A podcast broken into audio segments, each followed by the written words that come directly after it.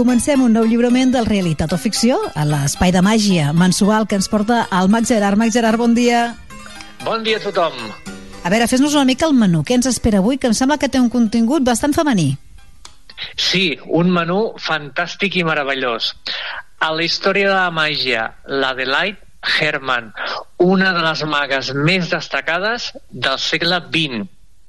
A l'apartat Escola de Màgia, un truc de mate màgia, és a dir, màgia amb les matemàtiques. I finalment, a recomanacions màgiques, cinema, màgia i una petita sorpresa. Molt bé, doncs arrenquem, arrenquem i ho fem amb la Delight Herman, has dit, es diu Delight, això és fantàstic, no? Herman, sí, sí, dins la història de la màgia. Us poso en situació. Primer de tot dir-vos que aquesta secció, com sempre, la fem conjuntament amb el mag Daniel Arbonés. És a dir, que si entreu a www.magia.cat veureu el fantàstic post que ens ha preparat. Qui era? Doncs fixeu-vos bé, l'Adelaide la, Herman va néixer el 1853 a Londres. El seu pare, originari, originari de Bèlgica, va participar en la creació del Saló d'Exhibicions Egyptian Hall, que era una mena de teatre que principalment programaven màgia. Aquesta maga va estudiar acrobàcies aèries i dansa, i el 1874 va arribar a la ciutat de Nova York com a ballarina. T'imagines, t'imagines, Gerard, haver d'estudiar, de, haver, haver de fer acrobàcies, no, que no n'hi ha prou de ser maga, sinó que has de fer acrobàcies aèries, t'imagines? Quins espectacles! N'hem parlat algunes vegades i és que eh, és una cosa molt habitual dins de les magues. És a dir, utilitzen altres recursos per potenciar la màgia. A la gran majoria doncs, eh, han potenciat el teatre o el clown, però eh, la part de, de ball i la part d'acrobàcies aèries és una cosa que habitualment moltes també tenen en el seu eh, recurs, els seus recursos escènics que poden eh, combinar o en alguns casos potenciar més la seva màgia. Molt bé. Doncs mireu, va, va iniciar la seva carrera com, a, com a ajudanta, com a assistent del seu marit, el mag Alexander Herman i eh, van fer eh, espectacles de grans il·lusions, és a dir, espect espectacles en el que ella l'habitava per l'aire eh, i era doncs una de, eh, havien recorregut als Estats Units, Mèxic i Sud-amèrica.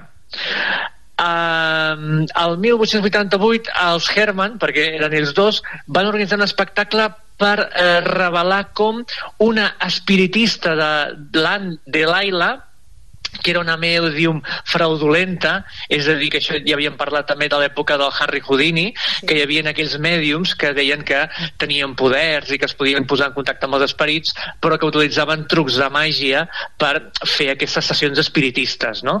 De, de finals del 19, principis del 20.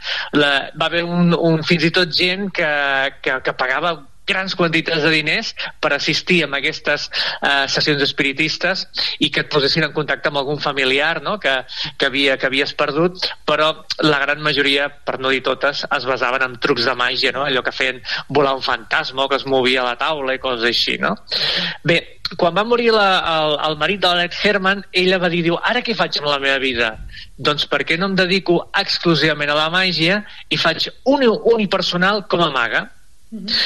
Eh, es va, es va posar el sobrenom com a reina de la màgia. Sabeu que els mags són molt modestos, és a dir, que sempre, sempre utilitzem... El Harry Houdini era el rei de l'escapisme, el, el Nelson Towns el rei de les monedes, doncs va dir, home, jo sóc la reina de la màgia perquè tampoc hi ha tantes magues, no?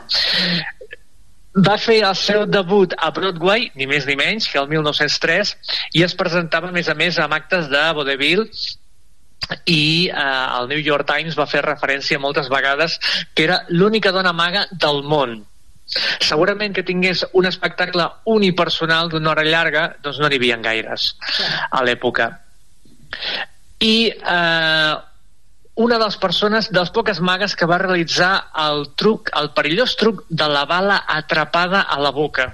Uau, això va fer ella, però això és molt difícil, no? Alguns mags havien mort, que això havíem, ho havíem comentat, doncs ella eh, va ser eh, la primera maga que va fer aquest truc perillós, però no era el seu joc preferit. El seu joc preferit era la núvia fantasma, que feia volar per l'aire a una ajudanta seva embolicada en blanc i eh, era una levitació realment espectacular. Fixeu-vos bé que a l'època, i fins i tot ara, que els mags tenen com a ajudants a, a, a dones, a noies, que posen dins d'una caixa, la fan levitar. Estem parlant del 1903, una maga tenia no ajudants, sinó ajudantes, i era ella la que feia levitar o feia desaparèixer les persones, no? Mm. És a dir, que va ser també una mica un abans i un després. Molt bé. Va continuar actuant fins als 70 anys d'edat, eh, quan el 1926 un incendi al seu magatzem teatral va destruir els seus accessoris i eh, va continuar uns anys més fins que eh, ens va deixar el 19 de febrer del 1932 però ha sigut una gran maga i fins i tot podeu trobar un llibre sobre la seva, la seva biografia que en un famós eh, portal que no vull dir el nom, que comença a parar, que tots coneixem, doncs podeu trobar eh, un llibre eh, fantàstic que recull les seves vivències. Recordem el nom amb Adelaide? L'Adelaide Herman, Adelaide Herman, una de les magues més destacades de la història de la màgia. Molt bé, doncs uh, avui hem fet els honors, eh? una història de la màgia en femení. Uh, ens fas un truc, un truc, però dius matemàtic? Un truc matemàtic que s'anomena, atenció, la xifra maleïda. Comencem. Eh, una pregunta, Núria. Tu ets super, supersticiosa? Mm, en principi no. Eh, jo tampoc, saps per què? Perquè porta mala sort. Sí, això és molt... Sabia que ho diries, Gerard. Bé, eh, és per posar una mica eh, en situació. Mireu, pel joc us ensenyaré, haureu de demanar al vostre espectador o un amic que busqui una calculadora del seu telèfon mòbil i que escrigui una quantitat llarga que vosaltres li indicareu. Un cop ho hagi fet, haurà de pensar un dígit de l'1 al 9. Ha de ser un nombre, un número que no li agrada gens, que l'odiï, que no li porti bona sort, que li produeixi fins i tot fàstic o angúnia veure aquell número. Mm. Després, eh, quan l'hagi dit, l'haurà de multiplicar per la xifra llarga que haurà introduït dins la seva calculadora i quan ho hagi fet es quedarà completament garrativat i es m'ha perdut al comprovar que totes i cada una de les xifres del resultat són precisament la seva xifra odiada. No, no m'ho crec. és una cosa molt divertida i ara que s'acosten els àpats nadalencs ho podeu posar en pràctica i és molt divertit. És molt senzill i fins i tot és una manera que els nens practiquin les matemàtiques amb l'excusa d'un truc de màgia. Mm. Molt ràpidament com funciona. Mireu, la persona haurà d'escriure les xifres 1, 2, 3, 4, 5, 6, 7 i 9. Fixeu-vos bé que el 8 ens el saltem, mm -hmm. d'acord? Sí. De l'1 al 9, el 8 no el posem. L'haurà d'introduir a la seva calculadora i haurà de dir-vos d'aquests números quin és el que no li agrada, el que odia més. Un cop us el digui, haureu de multiplicar aquest número per 9 mentalment. La xifra resultant serà la que haurà d'emprar per multiplicar la xifra inicial. Un exemple. Si us diuen, per exemple, el 4, l'haurà de multiplicar per 36. Amb la qual si multiplica 1, 2, 3, 4, 5, 6, 7 i 9 per 36, el resultat serà 4, 4, 4, 4, 4, 4, 4, 4. Mm, clar, això té una explicació matemàtica, no? molt fàcil, però com sempre amb aquests jocs de màgia senzills que expliquem, la gràcia és la presentació i és que tu dius d'aquests aquest números que he posat aquí de l'1 al 9, quin és el número que tu menys t'agrada, el que odies, el que no vols veure ni en pintura escrit i et diuen per exemple el, el 2 mm -hmm. mentalment fas 9 per 2 igual a 18 que multipliqui aquesta xifra per 18 i li sortirà 2, 2, 2, 2, 2, 2, 2, 2.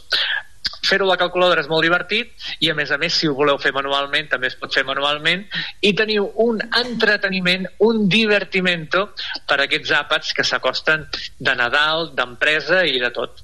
Molt bé, molt bé, molt bé, molt bé. Doncs avui a matemàtiques a la nostra, el nostre truc de màgia. I amb què acabem, Gerard? Amb recomanacions màgiques. Sí. Molt ràpidament. Tinc dos minuts? Sí, sí, sí. Els tinc, els tinc. Doncs sí. Doncs mireu, uh, un, una pel·lícula familiar que s'anomena El Col·legi dels Animals Màgics, una pel·lícula en català d'enguany. Va sortir fa uns mesos, però com que no vam poder parlar d'ella, doncs està bé que la tingueu eh, controlada. No? Eh, la sinopsi, de què es tracta? Doncs l'Ida és nova a la ciutat i ara és alumna d'una escola. Un dia la professora els presenta Mortimer Morrison, que viatja pel món a la recerca d'animals màgics L'Ida i el Beni són els primers a triar-ne. El Berni tindrà la vella tortuga Henrietta i l'Ida l'astuta guineu Rabat. Quan desapareixen objectes de l'escola, els nens i els animals màgics s'han d'unir per resoldre el misteri del lladre del col·legi. Mm. Aquesta pel·lícula va ser la pel·lícula de més èxit a l'Alemanya. Enguany la tenim traduïda al català, és a dir, que la podeu gaudir en català, i és una pel·lícula per tota la família. Molt bé, ens l'apuntem eh? al Col·legi dels Animals Màgics. Animals Màgics. Aquesta una. Després, no fa gaire ens va deixar l'Àngela Lansbury. I tant. Jessica Fletcher. Sí, sí, sí. De S'ha escrit un crim, que l'havien fet en català, però també en castellà s'ha escrit un crimen. Ella va protagonitzar una pel·lícula de Disney que s'anomenava La bruja novata, uh mhm. -huh. que fusionava eh, els dibuixos animats amb els actors, sí. que era molt eh, Disney en el sentit que als anys 60-70 fusionaven aquestes tècniques com amb el Mary Poppins i altres, i altres pel·lícules de gran èxit. Mm -hmm. És un moment per recordar que la podeu trobar a moltes plataformes eh, aquesta pel·lícula avui en dia, també en diferents idiomes, fins i tot eh, en la versió original i és una pel·lícula que tot i que té uns anys, eh, el públic familiar la pot gaudir novament. És a dir, que no ha passat els anys per aquesta pel·lícula. Aguanta bé el temps, no? Aguanta bé el temps. I una última recomanació, i és que el nostre amic Daniel Arbonés estrena espectacle nou ah. a Barcelona, és a dir, que si dona la casualitat, tenint en tenir en compte que és a prop del pont que tenim al desembre, podeu veure el seu nou espectacle Random, que l'estrena el 4 de desembre a les 12 del migdia a l'espai escènic La Quàntica. Molt bé. Ens ho apuntem també. Et deurà estar allà bastant de temps, o ho saps? En principi, la idea és fer temporada. Clar. Segons, segons m'ha comentat, la idea és anar-lo presentant regularment i, com a primícia, us dic que l'any vinent eh, el tindrem per Tarragona, Ai. aquest espectacle. Ai, quina gràcia!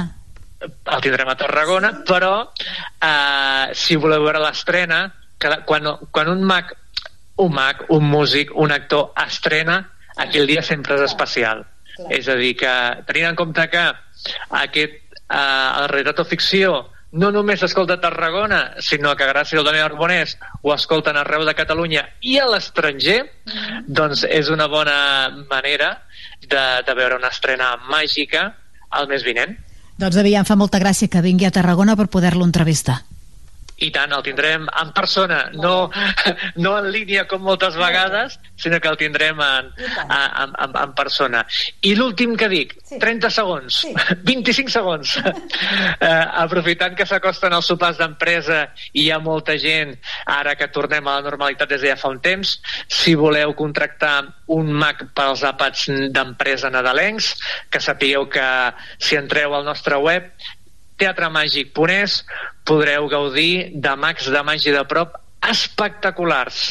Molt bé, doncs queda, queda explicat, sempre és una bona opció. Max Gerard, moltes, moltes gràcies. Ens quedarà encara un programa al mes de desembre, no?, si tot va bé. Sí, el mes de desembre tot anirà bé, tot anirà bé. Al mes de desembre amb recomanacions nadalenques per gaudir amb la família. Molt bé. Max Gerard, moltíssimes gràcies, una abraçada. A vosaltres, fins aviat.